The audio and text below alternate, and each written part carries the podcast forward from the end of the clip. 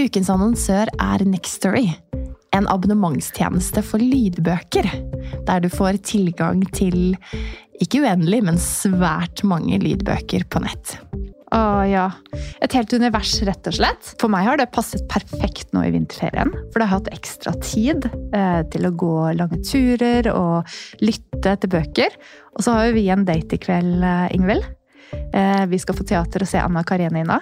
Så da bestemte jeg meg for å bruke Next Story for å lese gjennom den på nytt.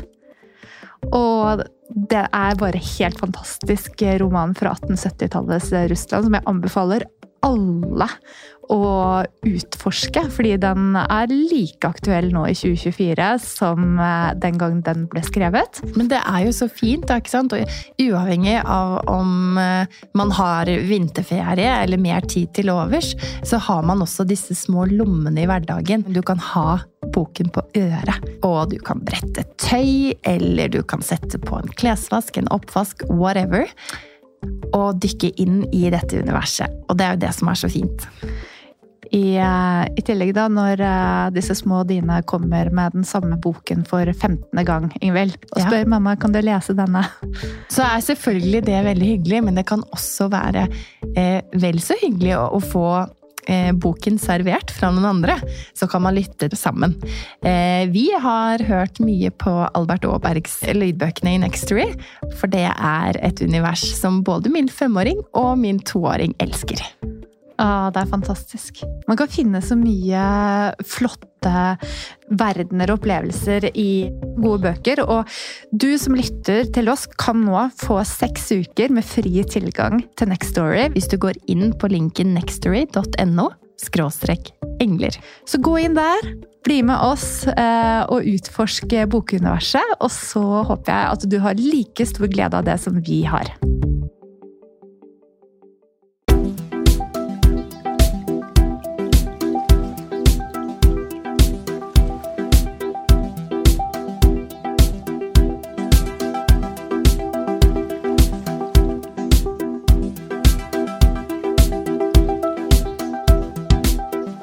Velkommen til Engler og hormoner. Inspirasjon og ny kunnskap om helse, selvutvikling og livsstil.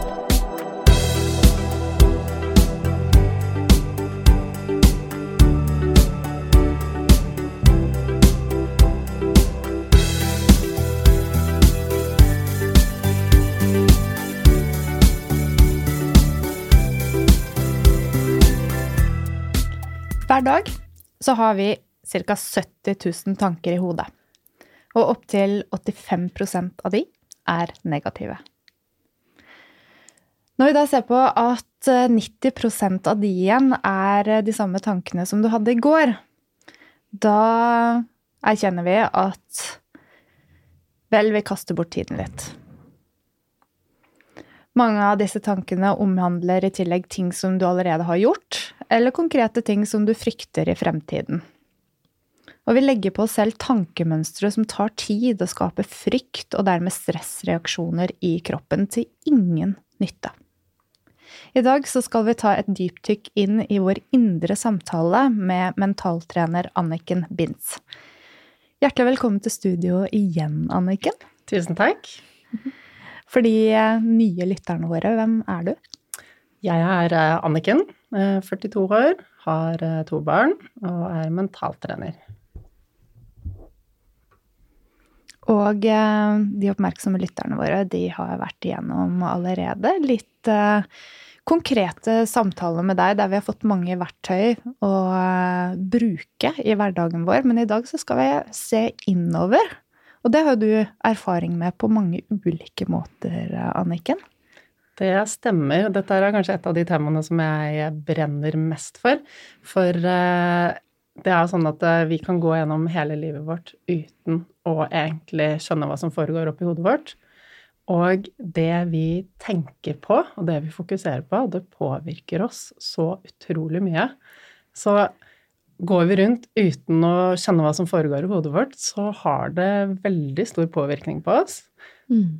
Ja, uten at vi da får gjort noe med det. Så det å begynne å bli bevisst og lære om hva som skjer, er utrolig viktig, og det har alle godt av. Men bare stopper opp nå, så tenker at det, det som skjer inni mitt hode, det aner ingen av dere to noe som helst om, men der har jeg en egen verden som betyr ganske mye for meg. Mm.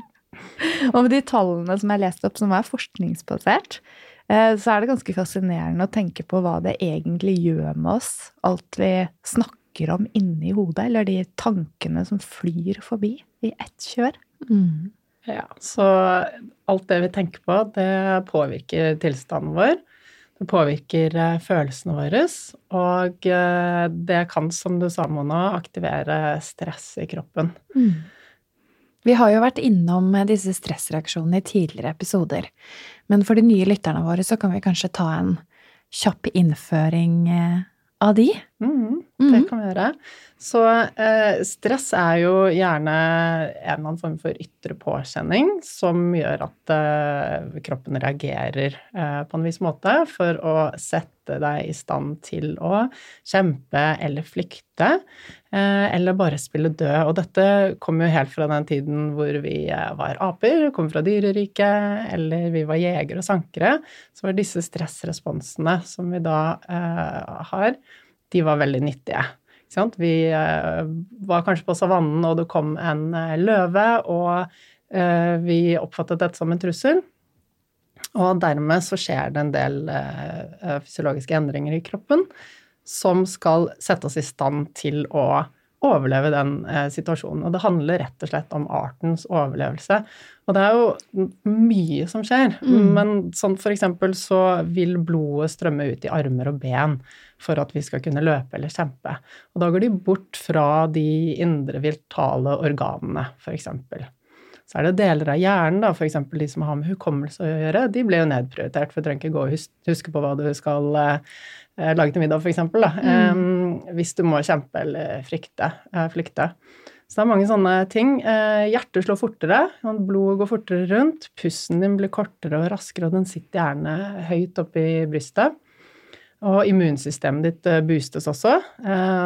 litt sånn hvis du blir skadet, så skal kroppen din tåle det, og den skal komme seg i trygghet. Så kan man heller deale med alt annet etterpå.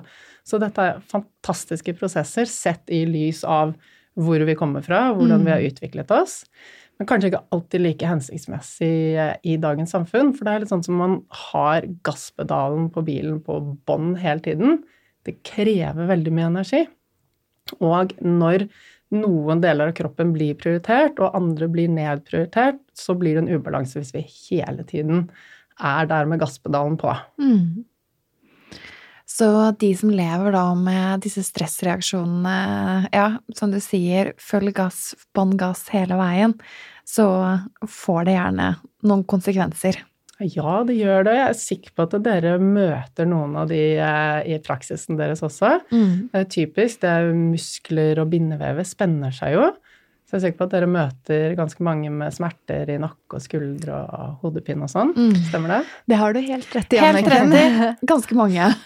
og så er det også noe som vi tenker på, det er å dosere riktig i forhold til restitusjonsevnen. Mm. Eh, fordi at slik som vi jobber, så gir vi jo en type behandling som en pasient skal ha nytte av, men da må også kroppen evne å ta imot den behandlingen og fortsette en god prosess etter at vi har vært inne i bildet. Mm.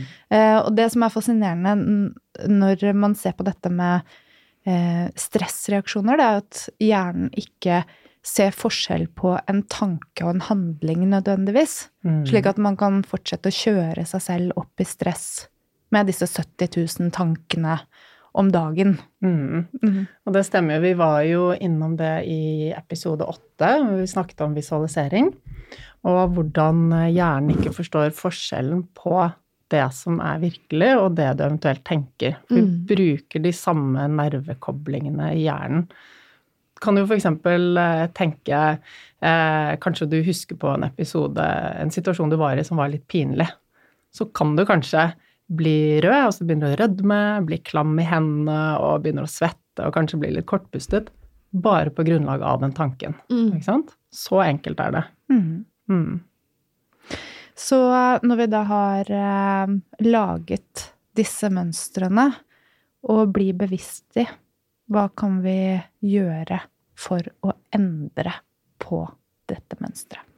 Ja, så eh, det er mye av det samme som det vi snakket om i episode åtte, eh, hvor vi snakket om endring av eh, vaner.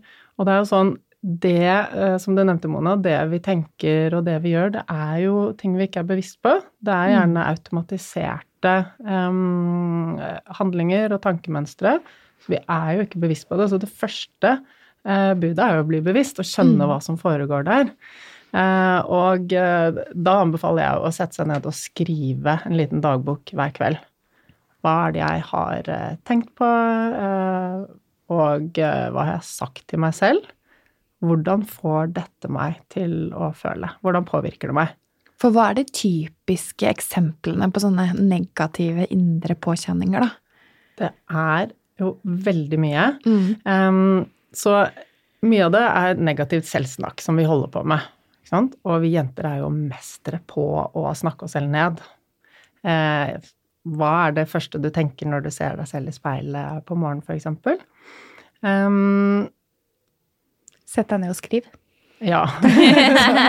Men det er jo litt sånn Jeg sier at det, um, det Vi er ofte slemme mot oss selv. Og eh, en ting du kan tenke på da, når du begynner å bli bevisst på hva som foregår i hodet ditt, er er dette noe som du hadde sagt til venninnen din? Hadde det tålt forsiden av avisen, mm. eller ikke? Ikke sant? Så eh, hvis det ikke er noe du hadde hatt lyst til å si det til noen andre, hvorfor vil du si det til deg selv?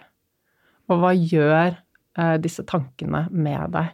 Fordi det påvirker oss, det påvirker tilstanden vår, det påvirker hvordan vi føler oss. Hvis du sier noe eh, som ikke er så veldig konstruktivt til deg selv, så påvirker det energien din. Mm. Det kan skape stress i kroppen din. Hva med sånn uh, grubling og sånne ting, da? Det er jo i hvert fall noe jeg kjenner meg igjen i, at man fort kan uh, bli litt uh, ja, oppsatt eller opphengt i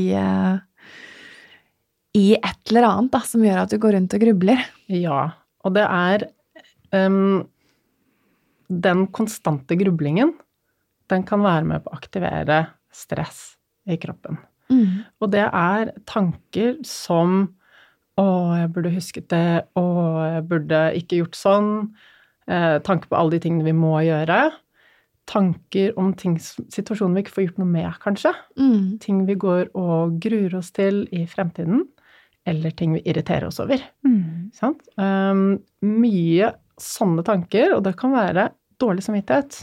Hvor mange jenter går eh, går ikke å tenke på hva de har dårlig samvittighet for, for vi føler hele tiden at vi skal please alle andre, og så ender vi opp med å ha dårlig samvittighet. Så det er en haug med sånne tanker som ikke er så veldig konstruktive for oss. Mm. Og det er jo greit at de er der, og vi anerkjenner de, men når de blir værende der, og de går på repeat hele tiden, da begynner det å bli et stort problem. Mm. Og dette er jo eh, det jeg kaller for skjult stress. Fordi hvis du ikke er klar over at du gjør det, og du ikke er klar over hvordan det påvirker deg, hvordan skal du da kunne gjøre noe med det, og hvordan skal du da vite at du egentlig går rundt med en aktivert stressrespons? Mm. Ikke sant? Og så er det noe med at vi tror på det vi hører. Og hvis man konstant går og sier ting til seg selv eh, om enten en egenskap eller utseende eller hva du er som person, så opplever jeg også at man til slutt kan tro at det er det andre tror om deg også. At du lager en realitet som egentlig ikke eksisterer, og dermed på en måte påfører deg selv eh, begrensninger, da kanskje? Helt klart. Så det selvsnakket, eller indre dialog som vi kaller det, er utrolig viktig. Det er et viktig verktøy for å bygge selvtillit mm. og motivasjon og fokus. Så når vi snakker oss ned hele tiden, så tror vi på det. Mm. Det er det som blir virkeligheten. Vi tror på det oppi hodet vårt, og kroppen vår tror på det. Mm. Det vi tenker, det blir til virkelighet i kroppen vår. Det endrer Cellene våre så endres helt ned på gennivå. Sånn at uh, det å kunne snakke mer konstruktivt uh, til oss selv vil hjelpe oss, som jeg sa, da, med å øke selvtilliten. Det vil hjelpe deg hvis du skal f.eks. holde et foredrag, da. At du, eh, sier til deg selv at eh, 'jeg kan eh, alt dette jeg skal snakke om, jeg er sterk'. Så ha fokus på de tingene som kan hjelpe deg. Um, Istedenfor å tenke at ok, alle de som lytter, hva er det de tenker om meg? Mm. Eh, og jeg er ikke så god på dette her. Og så begynne å fokusere på de fallgruvene som kanskje kan oppstå. Og da vil du virkelig skape stressrespons i kroppen, og du vil bygge ned selvtilliten din. Så det ønsker vi da å snu, så det er noe vi jobber mye med innen mental trening, er å hjelpe folk til å ha en konstruktiv indre dialog. Mm. Sånn, både i tilknytning til eh, visse situasjoner, ting de skal gjøre, hvor de skal prestere, men også til daglig, da. For det vi gjør hver eneste dag, det har så stor effekt på oss. Og det er liksom Det vi gjør mye av, det blir vi gode på. Og vi snakket jo om eh, hvordan eh, hjernen fungerer med nevrologi, og det at vi De tingene vi gjør mye av, det blir som en sånn motorvei i hodet, ikke sant? Det er veldig lett tilgjengelig. Det vi gjør lite av, det er som et eh, Oppe i hjernen, da, sånn nevrologisk sett, blir som et gjengrodd traktorspor i Nordmarka. Så hvis du hver dag tenker lite konstruktivt, så er det det som er lett, lettest tilgjengelig for deg. Mm. Mm. Og søker man, altså, som menneske da, så søker man jo gjerne etter bekreftelser også fra de som er rundt deg. Og leter du etter bekreftelser på de negative tingene du sier, så selvfølgelig så finner du de. Helt klart. Mm. Ja, ja, absolutt. Det er så utrolig mange som vi kjenner som går rundt på denne måten, og kanskje til og med når vi sitter her og snakker noen minutter om det, ikke føler seg truffet. Fordi det kanskje ikke har skjønt at det er dem vi snakker om. For de Mm. historiene som du faktisk har inni hodet ditt nå, som er din sannhet, det behøver ikke å være virkelige. Nei. Og det, det er så viktig å få frem her, for dette er jo utrolig sterke verktøy som Mm. kan endre livet og livskvaliteten til de grader. Ikke sant? Det er jo ikke bare for idrettsutøvere eller for de som ja, leder i næringslivet. Dette her gjelder egentlig for absolutt alle for å forbedre livskvalitet. Da. Det har så utrolig mye å si, og jeg kjenner det veldig godt selv også.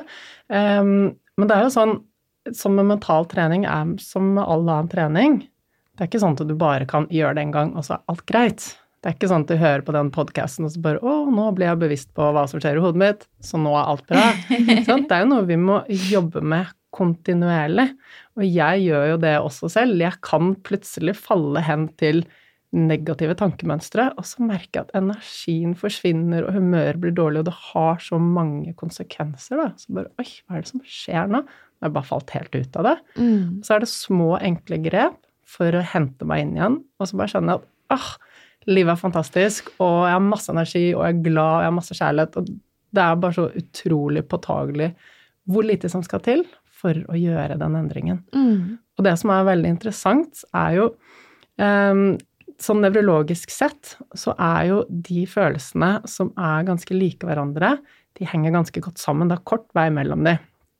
Så hvis du da først har gått inn på følelsen irritasjon, Mhm. og laget den For jeg sier jo det at det er ikke Det blir litt dumt å si at ja, men det er sjefen irriterer meg. Mm. For det er ikke han som gjør det, det er du som lager den irritasjonen. Det er du som velger om du skal bli irritert eller ikke. Så la oss si at du lar deg irritere, da. Du gjør irritasjon, og da er det kort vei fra irritasjon til sinne. Ikke sant? Mhm. Og til uh, uh, motløshet, eller at du er umotivert. Mange sånne negative følelser som henger sammen. Og det er litt viktig å huske på. For det er sånn, ja, jeg kan gå rundt og være veldig blid og glad og tenke fine tanker, men så plutselig var det så irriterende at mannen ikke hadde satt inn i oppvaskmaskinen. ikke sant? Mm. Og da er det kort vei til å irritere meg for noe annet, og så har vi det gående. Men det som er, at det er det samme med positive tanker også.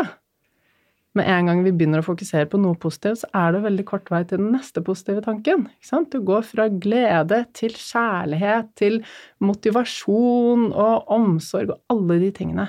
Mm. Sant? Og sånn kan vi begynne å endre på hvordan vi bruker hjernen vår, og så får vi positive spiraler istedenfor negative. Men Anniken, Ja. er det ikke sånn at vi har kun eh, to positive følelser og fem negative? Det er eh, helt riktig at det er hovedfølelsene våre. Ja. Mm. Så vi er jo fett med eh, ganske mange flere negative, og fra naturens side er programmert for å se til fare. For Arten skal overleve. Vi skal hele tiden vurdere alt i et litt negativt lys. Mm. Så eh, da er det jo lett at vi går rundt og tenker negativt om ting. To eh, positive eh, hovedfølelser, men her er det masse undergrupper igjen. Også, så de hovedgruppene, da, det er og da har vi på den positive siden så har vi glede og overraskelse. Mm. Og så er det fem negative, som er eh, avsky og frykt og eh, tristhet og hva var det siste? Sinne. Sinne og skam. Sinne og skam, ja. Og det er jo Og under alle disse hovedfølelsene så finner vi jo masse undergrupper, ikke sant? Så, men det er litt viktig å huske på at ok, hvis du syns kanskje det er vanskelig, for du ender opp med å tenke så mye negativt, så er det litt det der Husk på hvor du kommer fra. Du er faktisk skapt for å se etter fare. Mm. For å vurdere ting i et kritisk lys. Og da er det lett å falle hen til det negative. Og som vi vet, det vi gjør mye av, det skaper en motorvei opp i hodet, og da er det lett tilgjengelig. Mm. Du tenker ikke over den irritasjonen som bygger seg opp hver gang oppvaskmaskinen ikke er ryddet ute, fordi at du har gjort det hver dag. Det er autom automatisert, ikke sant? Hør på en podkast mens du gjør det, er mitt tips. Ja. er, er, det viktig at det er noise cancelling uh, høretelefoner også? Yes. Men Anniken, alt dette her, har du kjent på det selv? Ja, det har jeg. Um, og det er kanskje en av grunnene til at jeg brenner så mye for dette, og det er en av grunnene til at jeg valgte å endre yrke. Eh, jeg jobbet jo som yogainstruktør før og drev et eh, yogastudio. Mm -hmm. Og fikk etter hvert øynene veldig opp for det som skjedde i hodet, og skjønte at å, herregud, hvis jeg ikke visste dette, hvor mange andre der ute er det som heller ikke vet om dette? Og hvor mye bedre kan ikke verden bli hvis alle blir bevisst på hva som foregår i hodet. Og jeg var jo helt fra jeg var liten av, så hadde jeg lyst til å redde verden. Mm. Så jeg utdannet meg jo til å bli bistandsarbeider og var jo ute med Flyktninghjelpen og jobbet i Pakistan og gjort masse sånne ting.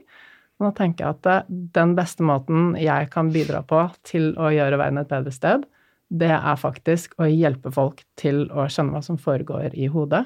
For da får de det bedre med seg selv, og de får det bedre med alle andre rundt seg. Mm.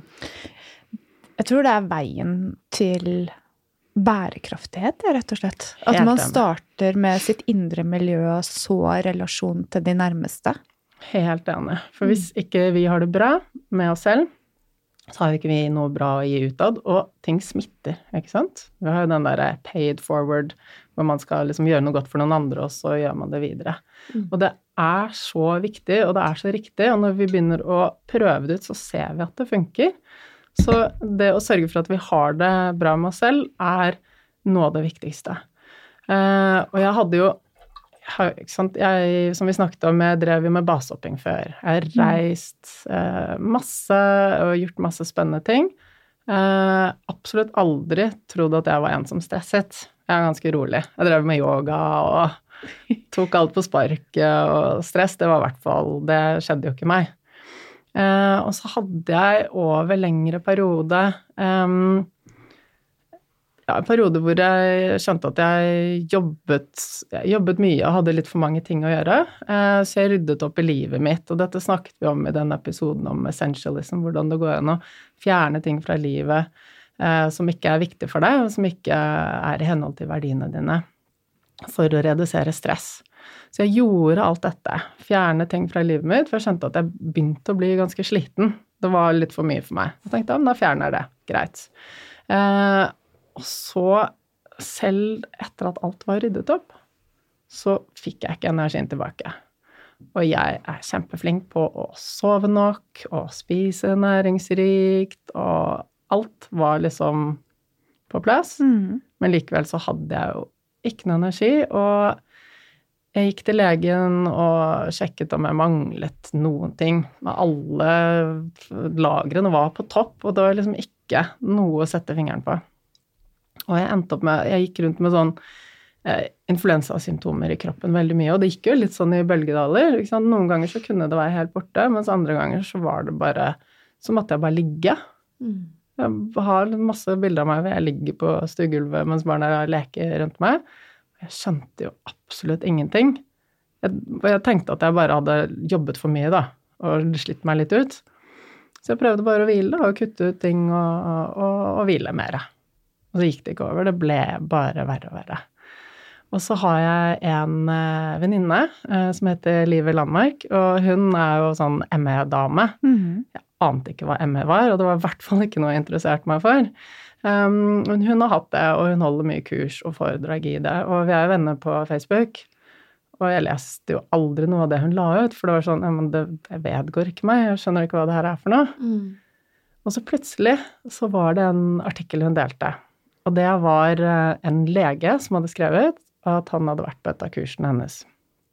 Og hun driver et kurs som heter Lightning Process, som eh, bruker kognitiv terapi for å hjelpe de som har ME.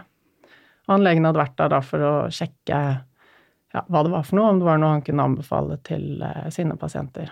Og han skrev jo at dette er noe som alle burde gjøre.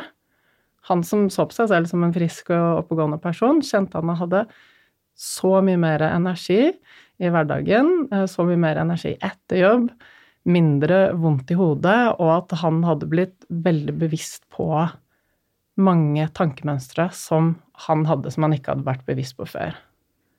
Og da jeg leste den artikkelen, så var jeg sånn Hm, skal vi se Kanskje jeg skal begynne å lese noen av de tingene hun har skrevet? Hun har skrevet en bok også.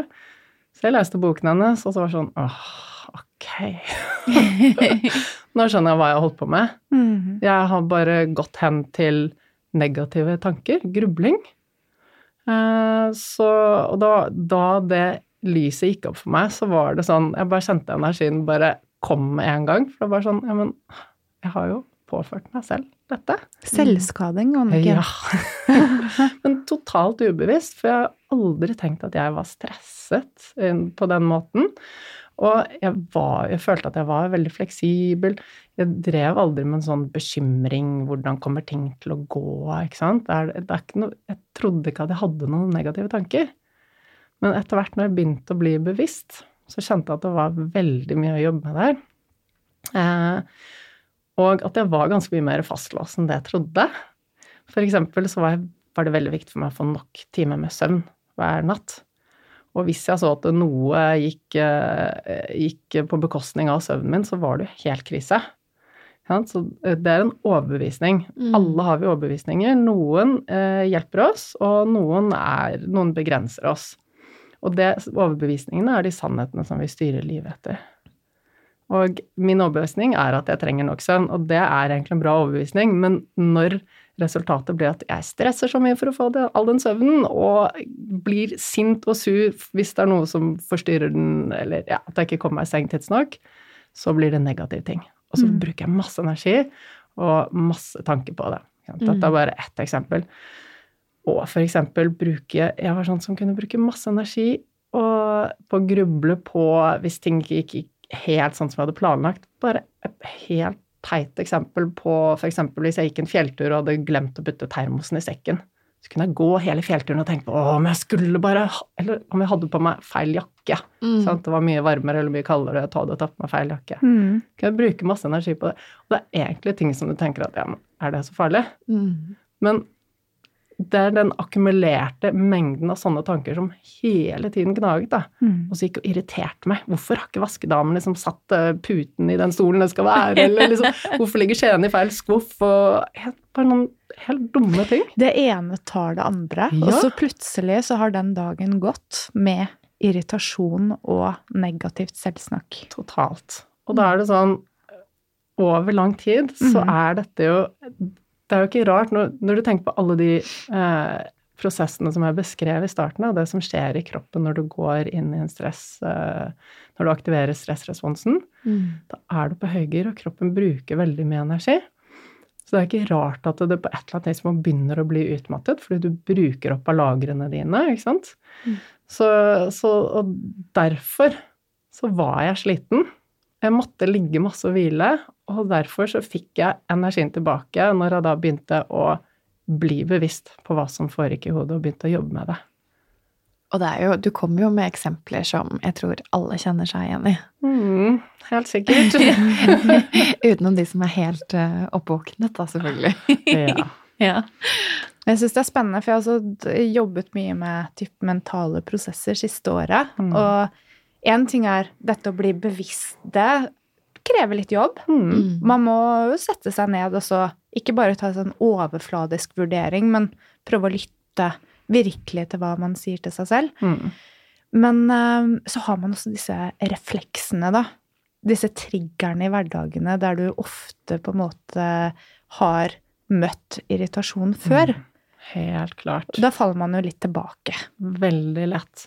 Og det var vi jo litt innom i episode åtte også, da vi snakket om å endre vaner. Mm. Eh, at det er gjerne de samme tingene som trigger de samme handlingene, eller da de samme tankemønstrene. Så det å kunne identifisere de vil jo gjøre det mye lettere å gjøre noe med det. Og jeg var sånn, jeg tittet gjennom noen eh, notater jeg hadde gjort, for jeg fikk være med på Livet sitt kurs da. Mhm. um, og det var utrolig bra, jeg lærte masse, og da hadde jeg skrevet ned da, hva er det som trigger meg? Hva er det som trigger eh, alle disse negative følelsene og tankene, når er det jeg mister energien? Uh, og så har jo det gått en god stund siden jeg var der, og når jeg hentet opp en nå, så var det sånn mm, Ja, det her der hadde jeg glemt. Den triggeren hadde jeg egentlig glemt. Oi, den uh, Det er på tide å bli bevisst på den igjen. Ja, for du, den Den er trigger deg fortsatt. Ja. Den trigger meg fortsatt. Ja. Ja. Jeg hadde liksom bare sluttet jobben og lagt den litt bort fordi alt var bra. Og så plutselig så var den tilbake igjen. Så, så ja, vi må bli bevisst og begynne å jobbe med det. Og så handler det også om at dette er en kontinuerlig prosess. Mm. Akkurat som med all annen trening. Vi må fortsette det resten av livet vårt. Men det blir lettere. Jo mer vi gjør av det, jo lettere blir det. Men eh, vi klarer jo ikke å huske på alt hele tiden, så det er jo viktig å skrive ned ting, og så gå tilbake og så finne ut av det. Ja, for hvor mange ganger er det man må gjøre en ting igjen før det på en måte blir en eh, vane? Det kommer helt an på Mm. hvor intenst dette er, og noen kan etter bare tre dager ha endret den vanen helt, mens for andre kan bruke den liksom opptil et år nesten. Eh, så Men ja, tilbake til dette med trigger, da, sånn helt konkret hvordan vi gjør det. At vi finner ut, vi identifiserer hva det er som trigger oss, Mm. eh, som får oss til å reagere på den måten. Og så tenker vi etter, ok, ja, hvordan er det jeg reagerer? Hva sier jeg til meg selv, og hvordan får det meg til å føle meg? Eh, ok, hva kan jeg si i stedet? Hva kan jeg putte inn der i stedet? En tanke, en følelse? Eh, og så tenke litt over hvordan vil dette hjelpe meg, hvordan vil det påvirke meg? Mm. Ok, og så kan vi da øve oss, sånn- og da vet vi hva triggeren er. Vi vet at det er når oppvaskmaskinen ikke er tømt, f.eks., eller når barna begynner å skrike. Da pleier det og dette å skje, så da er vi litt forberedt. Da vet vi hva vi skal tenke og gjøre istedenfor. Mm. Strategier som man også kan gi videre til barna. Ja. Definitivt. Yes. Bra. Mm. Mm. Ja, det tenker jeg er kjempefint, da, å kunne gi disse verktøyene fra barna små, så kanskje de slipper Helt klart. at de kan få disse gode vanene. Ja, jeg Mm. tenker jo at uh, mental trening er noe som burde vært uh, inne på skolen. Uh, jeg hadde jo levd i nesten 40 år før jeg skjønte det, og jeg trodde at jeg kunne alt og hadde god selvinnsikt, og alt var veldig bra. Mm. Og så var det tankekjør i, uten like oppi hodet mitt. Mm. Eh, Så, så jeg tror at de fleste med fordel kan begynne å bli litt mer bevisst på, på hva de gjør. Og så er det litt sånn Ok, jeg ble bevisst på det, og så fikk jeg være med livet på kurs og lærte en del teknikker og lærte å bli bevisst på disse tingene. Jeg lærte å identifisere hva det er som trigget meg, og hvilke, hva er gjengangerne. Hva er det som dukker opp? Mm. Og så var det skikkelig bra. Eh, og så plutselig så kommer det en dårlig dag, da. Og så er det jo så lett å gå i grøfta igjen. Fordi hvor ligger fokuset når ting begynner å gå dårlig? Plutselig mister energien, kjenner at jeg har litt sånn influensasymptomer, mister motivasjonen. Alt er bare nitrist. Hva skjer i hodet mitt da? Da er det sånn Å, hvorfor skjedde dette nå? Hva er det jeg har gjort galt? Mm. Sånn, Så begynner jeg å grave, og sånn, så, bare, så forsterker det symptomene. Så trikset er da Det er veldig fint å kunne gå gjennom en sånn prosess sammen med noen. Kanskje du har en venn du kan dele tankene dine med. For litt sånn som vi snakket om med motivasjon og endring av vaner, det er viktig at fokuset ligger på det du har klart å få til. Mm. Ikke sant? Det er det som gir deg motivasjon, og det er det som er den virkeligheten du skal programmere inn i kroppen din. Det er det som skal være det som står klart foran deg. Alt det bra du har klart. Så ok, kanskje hadde da liksom flere dager eller uker hvor jeg hadde masse energi og jeg var engasjert og alt var superbra, og så plutselig hadde jeg en dårlig dag. Mm. Så da var det viktig for meg at jeg husket på alle de fremskrittene jeg hadde gjort. Og så er det greit, vi er alle mennesker, vi kan ha en dårlig dag. Og akseptere det og tenke at ja, men jeg har gjort så mye bra. Og holde fokuset på alt det bra. Og klappe seg selv masse på ryggen. Mm. Ja. Så det er på en måte nøkkelen, og det er nøkkelen i all endring av vaner, motivasjonsarbeid og mental trening. Fokus på det vi har fått til. Hvert eneste skritt teller. Mm. Mm. Så hvis bare en liten del av disse ja, tusen ordene vi kan si til oss selv i minuttet på disse dårlige dagene, da, kan være positive, så vil det Mm. også kanskje gjøre noe. Ja, Mm. absolutt. Er det mm, noen ekstra verktøy man kan bruke når realiteten treffer hardt? Fordi vi har jo dager der um, hverdagen gir oss utfordringer, eller rett og slett uh, livet gir oss utfordringer. Mm. Og mye av det vi snakker om her, det er jo på en måte det kontinuerlige negative tankekjøret som preger en hverdag. Men av og til så er jo livet litt mer utfordrende. Mm. Har du noen råd i forhold til hvordan vi kan jobbe oss gjennom den type perioder? Ja, så eh, veldig mange råd. Ja. så de gjengangerne, de tankene som dukker opp eh, ofte eh, med jevne mellomrom, de kan vi begynne å identifisere.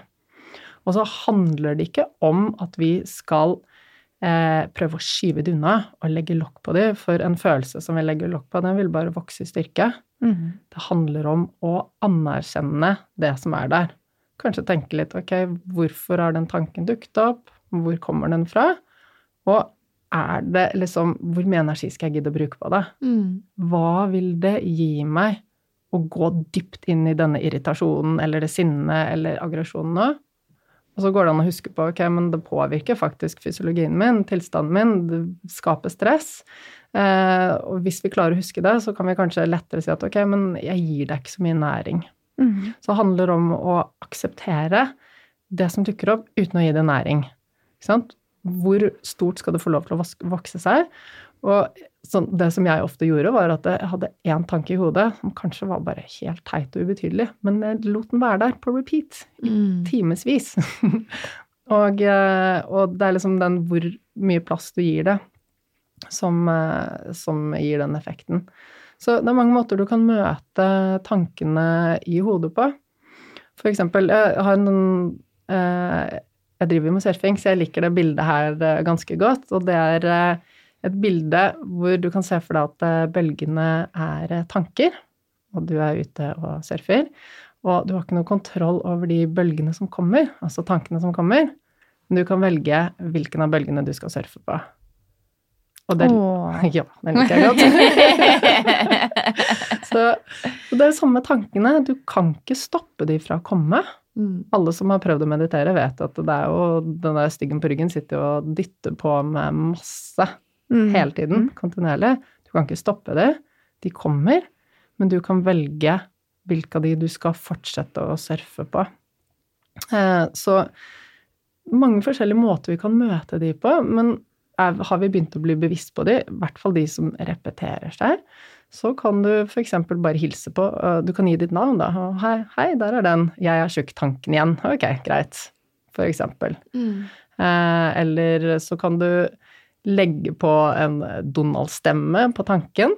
Kanskje den da liksom mister litt eh, Mister betydningen, da. Så vi ønsker å på en måte få de tankene til å liksom falle litt sammen. Mm. At de ikke skal bli så store og betydningsfulle. Eller legge på en, en sånn eh, morsom sånn eh, themesong fra en eller annen sånn eh, film du så da du var liten. Det er sånne ting som kan ta alvorlighetsgraden bort fra tanken. Mm. Og så gjelder det å være litt konsekvent med å gjøre det, da. eh, når den tanken dukker opp. Ikke haisommer. Det kommer helt om på hva slags minner du har til haisommer. Det er veldig dårlig animasjon. Men det hjelper jo veldig å på en måte anerkjenne tanken. Vi skal ikke skyve den bort. Og det er veldig viktig at vi ikke skal prøve å tvinge oss til å tenke positivt. For tvang skaper stress. Mm. Følelsen av at vi tvinger oss til noe, det skaper stress i kroppen. Mm. Så det skal være ok, jeg er menneske, eh, jeg er et resultat av biologien min og alle vanene mine og det livet jeg har levd. Disse tankene dukker opp hele tiden. De er kanskje ikke så konstruktive for meg. Eh, ja, kan jeg si noe annet istedenfor, eller kan jeg bare liksom møte tanken med Hei, der er den tanken igjen. Eh, den der eh, Jeg er stygg, eller jeg er Ikke sant? Et eller annet som de fleste jenter sikkert har når de ser seg selv i speiler. Åh, nå har jeg fått begynt å få litt rynker her, eller ikke sant. Som, som du sier til deg selv hver dag. Mm. Konsekvensen av det er jo ganske funny. For jeg tenker, hvis man starter en dag som man skal noe spesielt, med å si at i dag ser jeg ikke bra ut, og legge merke til dårlige ting ved seg selv, Mm. ikke være fornøyd med antrekket, og da gå ut i møte med noe, Mm.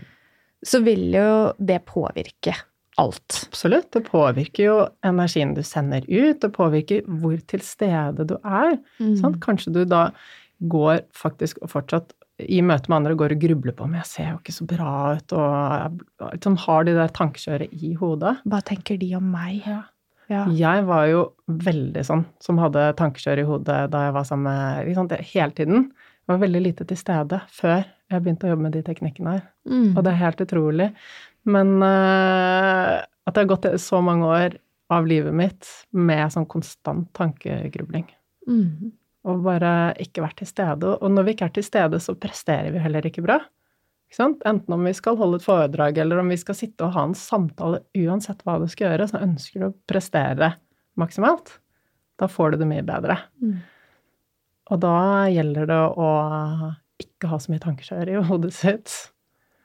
For det er sånn at vi er ansvarlig egentlig for 40% av vår egen lykke, er det sånn? Mm. Eller at det kan vi liksom Det er noen Styre. ja, forskere som har da sett på det, og en del ting som er medfødt, eh, som vi ikke kan styre, opptil Mm. 60% så sier de at de 40% resterende, de er vi ansvarlig for selv. Ja. Og da snakker jeg ikke om hvis noen har vært i, i en eller annen sånn traumatisk eh, hendelse eller noe sånt, og da er det klart at det, da er det vanskeligere å, å på en måte styre lykken sin, men normal, under normale forutsetninger så er det så mye vi har å eh, leker med, da. Mm. Eh, og alle er forskjellige, det henger sammen med personlighet. Det er mange faktorer, og så får du hele den arv- og miljødiskusjonen, og eh, det er veldig mye spennende som skjer der. Men konklusjonen er at det, det er mye vi kan påvirke. Eh, og et av mine favorittverktøy som er utrolig effektivt, det er å eh, begynne dagen med å finne tre ting du gleder deg til ved denne dagen.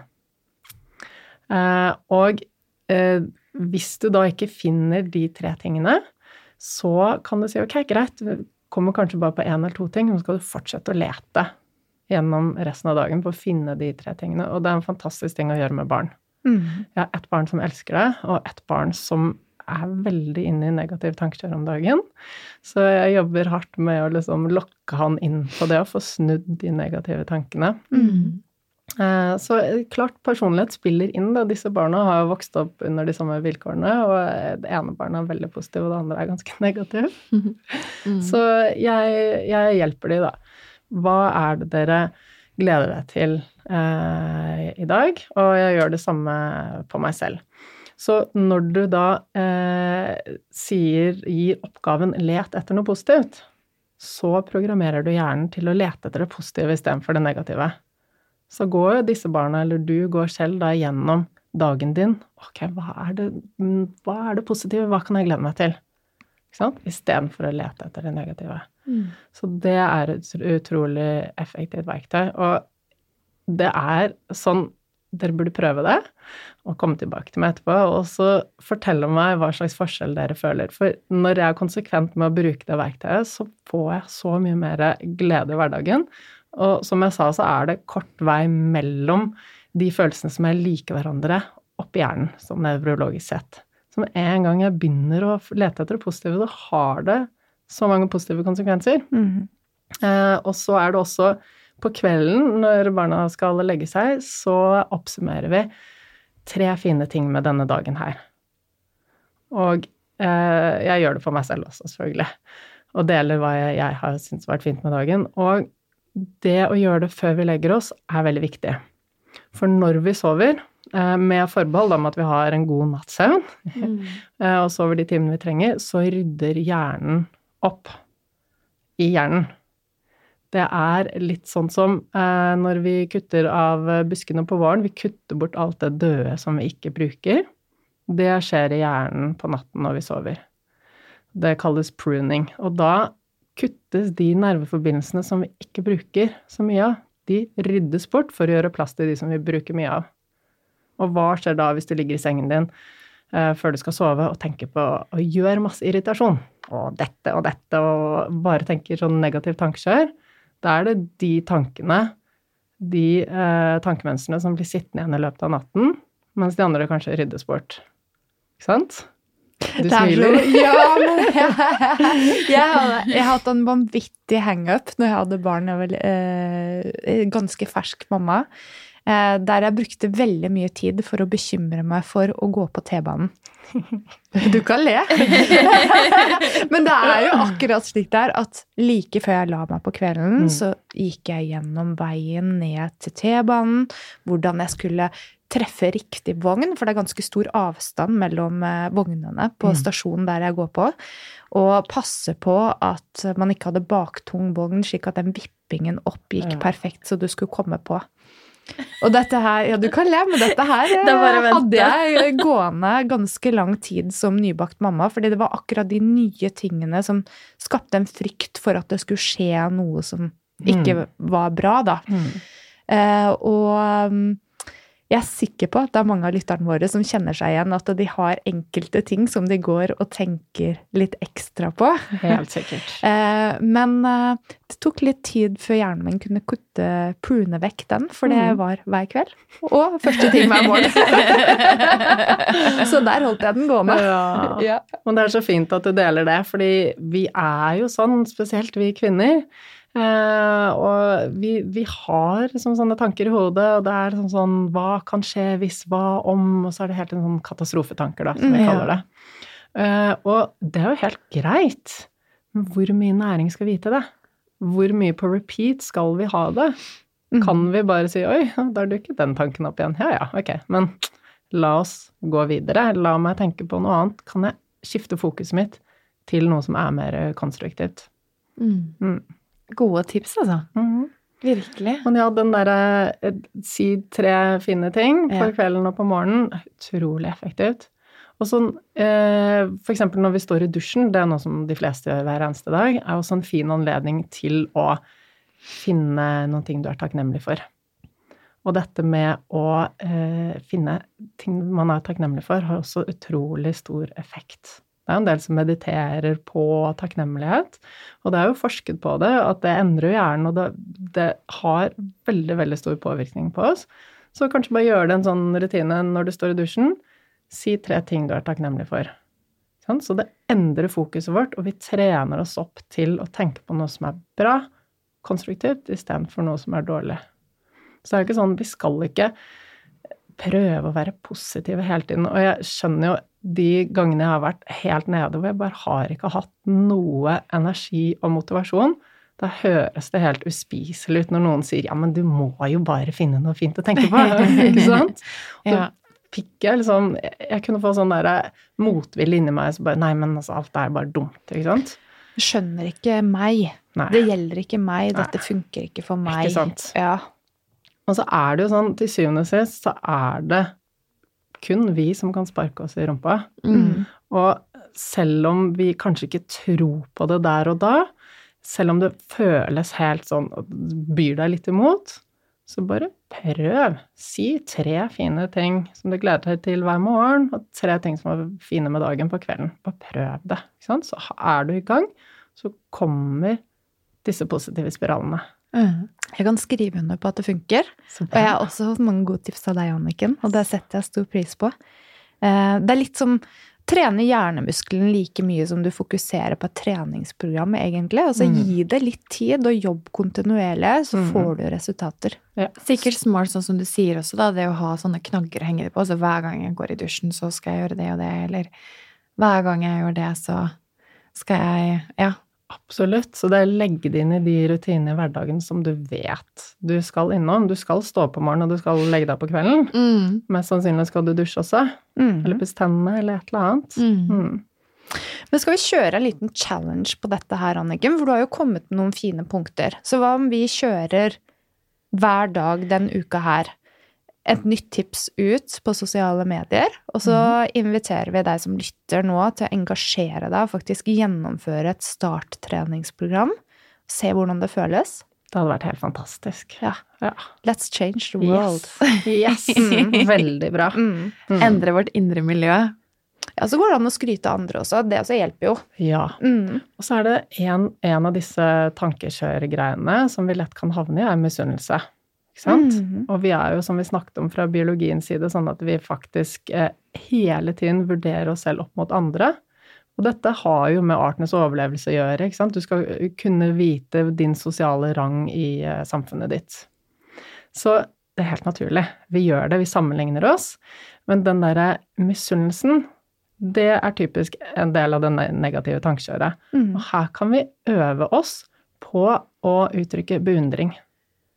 Mhm. Gi ros, gi et kompliment, sånn at det blir eh, At det overskygger den følelsen av at «Å, jeg, jeg er ikke like pen som henne, eller jeg er ikke like veltrent, eller whatever. Gi kompliment til den personen. Mm. For det er jo faktisk slik at andre sin suksess, det har ingen innvirkning på om du har suksess eller ikke. Helt riktig. Det var bra sagt. Anerkjenn det. Mm. Mm. Så mange gode tips vi har, og jeg gleder meg til denne challengen ja. i eh, sosiale medier. Ja, det, blir, eh, det blir bra. Skal vi si fine ting til hverandre, og til oss selv, ikke minst. For vi er jo ikke bare sånn, og ting er ikke bare sånn, men vi gjør dem sånn. Ja, Mm. absolutt. Så vi må lære oss å si mer positive ting til oss selv. Mhm. Anniken, vi er så glad for å ha deg med her. Vår lille husmentaltrener. Det er så luksus å ha det. Altså. Ja. Og vi har også fått tilbakemeldinger fra andre som har hatt nytte av de tipsene du har gitt Mm. tidligere. For å minne lytterne våre på hvor de kan finne deg. Ja, jeg er jo veldig aktiv på Instagram om dagen, så der eh, finner du meg på Anniken Binds, B-I-N-Z. Og så har jeg en nettside som er også annikenbinds.com. Fantastisk. Og vi fortsetter å være synlige i sosiale medier og inviterer deg til å bli med på å skape en positiv bølge akkurat denne uken, som kan vare lenger enn bare nå. Hvis du likte denne episoden, vær snill å gå inn på Instagram og gi oss en rating. Og del den gjerne med noen som du har lyst til å ha med deg på en positiv surfebølge ut 2019. Yay! Takk for i dag.